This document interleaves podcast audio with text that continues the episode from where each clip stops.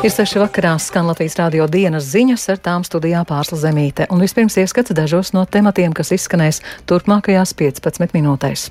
Pasaulē un arī Ukrainā sagaidīts 2023. gads.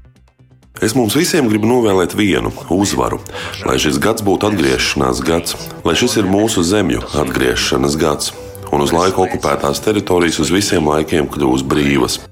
Horvātija jauno gadu sagaida kā pilntiesīga Schengenas un Eirozonas valsts. Tie ir divi milzīgi sasniegumi Eiropas Savienības jaunākajai dalību valstī. Šī ir diena vēstures grāmatām. Latvijā gadumijā neiztika bez avārijām un uguns nelaimēm, tomēr dienesti aizvadījuši samērā mierīgu nakti un sācies slavenais Dakāras rallijs.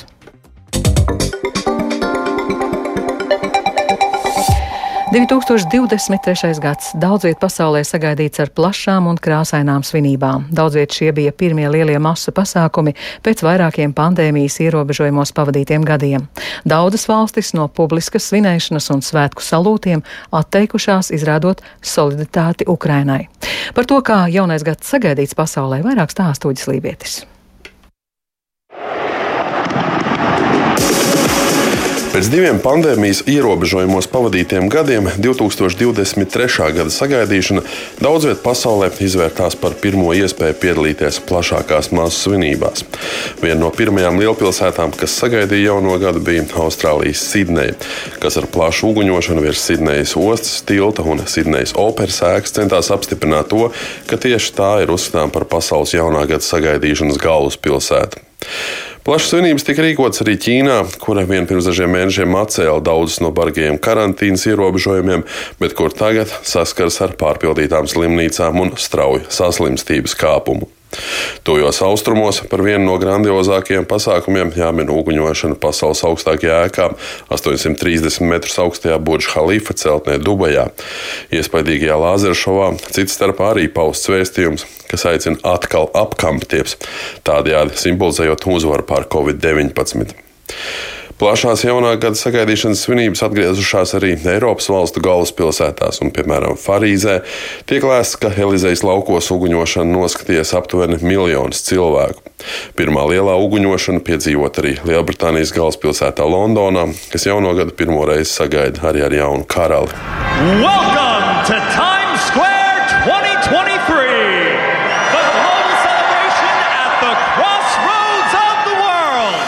Otrpus okeānam tradicionāli vienas no lielākajām svinībām notiek Ņujorkā, kur Times Square jauno gadu sagaidīja simtiem tūkstošu cilvēku, un par spīti lietainajiem laikapstākļiem arī šeit neiztrūka izgaismotās bumbas nolaišanās un konfeti lietus pār atnācējiem. Savukārt Dienvidamerikā lielākā svinēšana tradicionāli notiek Rio de Janeiro Copacabānas pludmalē, kuras koncertiem, uguņošanu un citām svinībām šogad pulcējās līdz pat diviem miljoniem cilvēku.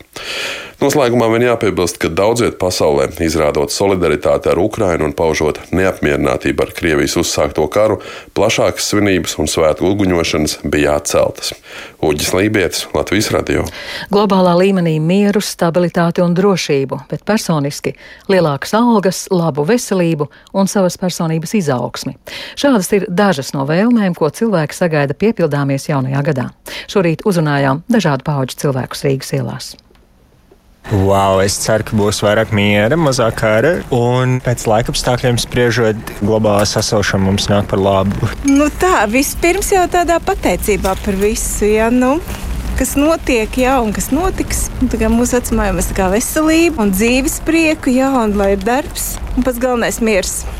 Sagaidām lielākas algas lielāku atzinību no priekšnieka. Lai būtu miers pasaulē.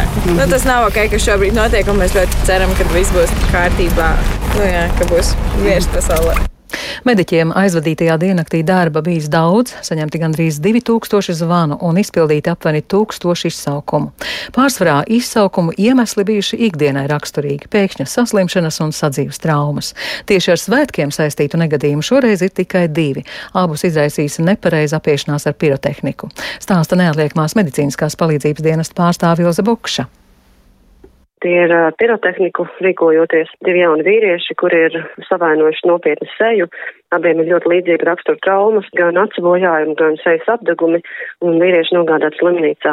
No tādiem smagākiem notikumiem minam arī Rīgā autoavārija, kurā bija seši iesaistīti cilvēki un cietuši. Bija piesaistītas četras mūsu mediķu brigādes un arī vēl ārstu speciālistu brigāde, un attiecīgi seši cilvēki ir cietuši. No tiem divi ir ar nopietnām politraumām, jeb vairāku ķermeņdaļu ievainojumiem nogādāti slimnīcā. Ukrainā vecgada vakarā un jaungada naktī pretgaisa aizsardzība notriekusi 45 Krievijas dronus. Tie ir Irānā ražotie triecienu droni Šahed 136.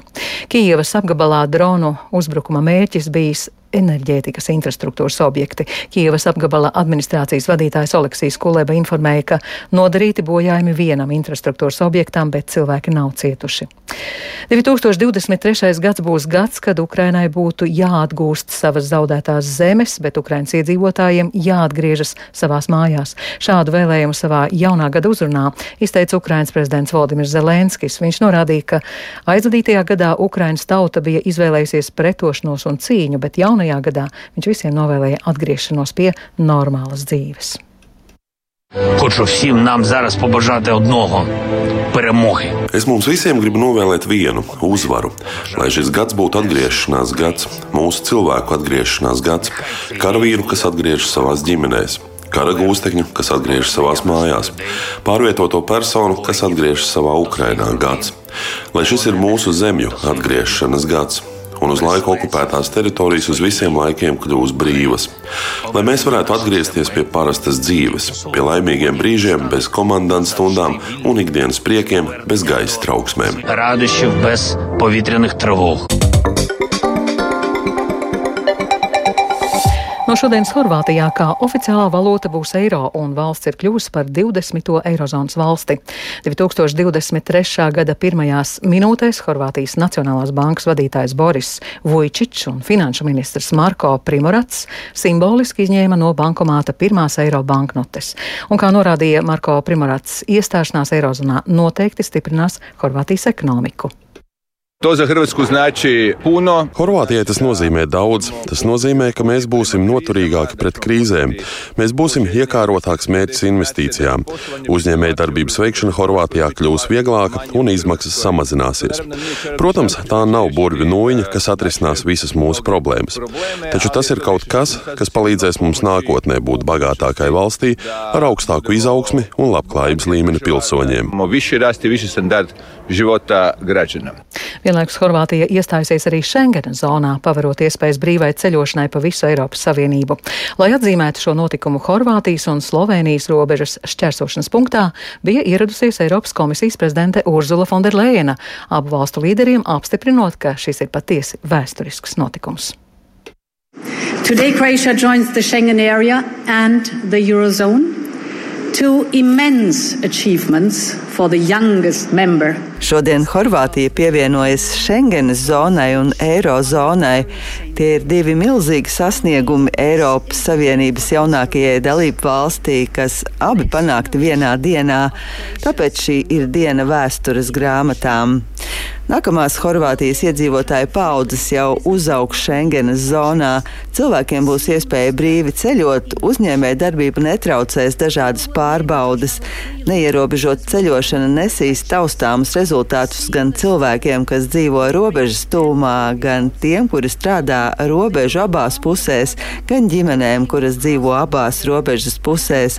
Šīs kopienas kļūs daudz tuvākas. Communities will grow closer together. Latvijā no šodienas palielinās minimālā alga, paaugstinās pensionēšanās vecums un stājas spēkā jauns pašvaldību likums.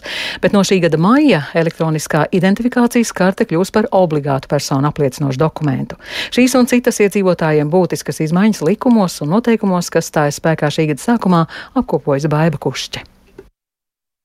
No šodienas minimālā alga Latvijā pieaug no līdzšinējiem 500 eiro līdz 620 eiro mēnesī.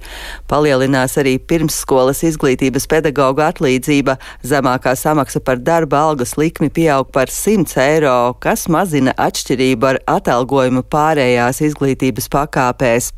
Tāpat no šodienas palielinās vecāku pabalsta apmērs strādājošajiem vecāku pabalsta saņēmējiem. No šodienas tie ir 50% no aprēķinātā pabalsta līdzinējo 30% vietā. Izmaiņas skar arī seniorus, jo paaugstinās pensionēšanās vecums.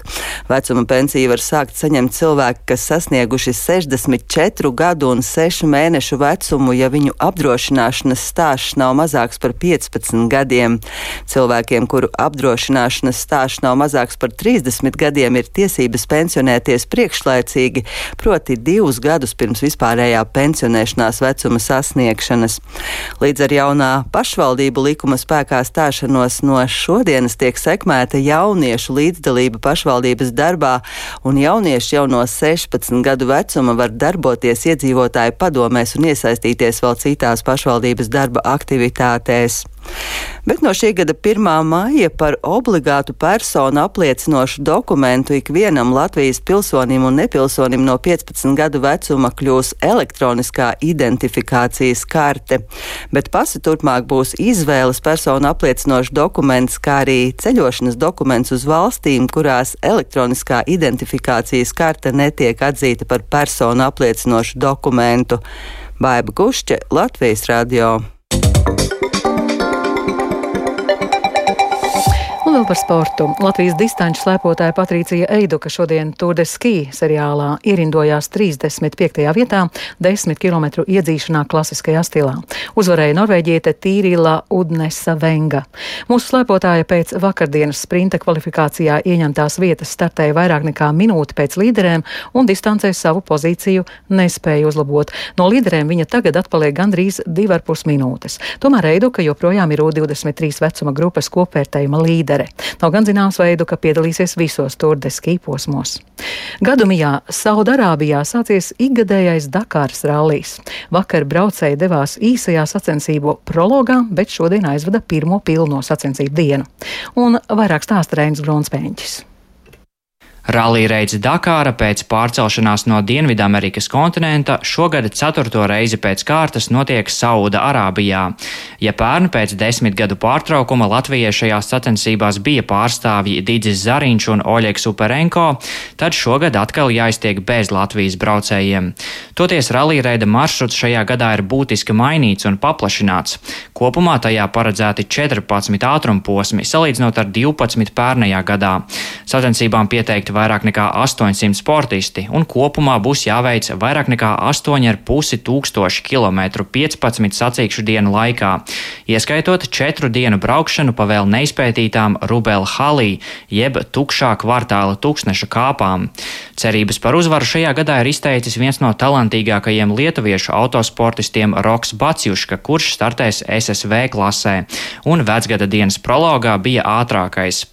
Šodien norisinās pirmais ātrumposms, kas sasniedz 367 km. Jau pirmajā dienā šis rallijs ir beidzies pērnā gada čempionam motociklu klasē Semam Sunderlandam no Anglijas, kurš piedzīvoja smagu kritienu. Kā ziņo organizatori, sportists, kurš esot sūdzējies par sāpēm mugurā, esot pie samaņas, taču viņš tika nogādāts slimnīcā uz pārbaudēm. Reinis Grunspēņķis, Latvijas radio. Un vēl Nacionālajā basketbola asociācijā pirmo spēli jaunajā gadā šonakt aizvadīs Kristaps Porziņģis un Vašingtonas Wizards viesojoties pie vienas no austrumu konferences spēcīgākajām komandām - Milwaukee Bucks. Spēles sākums paredzēts trijos naktī pēc Latvijas laika. Par šī brīža situāciju komandā stāsta Kristaps Porziņģis. Our, our you know, we're, we're... Komandā ir atgriezušies vairāki spēlētāji. Mūsu domāšanas veids ir uzlabojies. Mēs uzvaram spēles, kuras ir jāuzvar. Decembrī mums bija sarežģīts spēļu kalendārs, bet tagad kļūst mazliet vieglāk. Šo spēli mums vajadzēja uzvarēt, jo pretinieku komandas vairāk spēlētāji iztrūka. Vienkārši darām to, par ko saņemam algu. Taču tik un tā varu atrast lietas, kuras varam uzlabot. That, uh, that get better. Un ar to izskan Latvijas radio dienas ziņas. Producents Kārlis Dāgilis, ierakstus montēja Renāša Steimanis, par labskaņu rūpējās Ita Karneča, ar jums runāja pārslas Zemīte. Un vēl īsi par laikapstākļiem.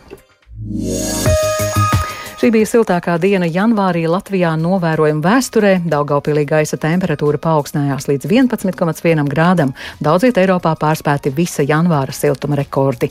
Rīt Latvijā būs mākoņains, naktī un rīt pēcpusdienā lietus, atsevišķos rajonos bieza migla. Naktī lēns vējš, dienā dienvidu, dienvidu austrumu vējš 2 līdz 7 m2 un gaisa temperatūra naktī 0,5, dienā 3,7 grādi. Laiktips trešais.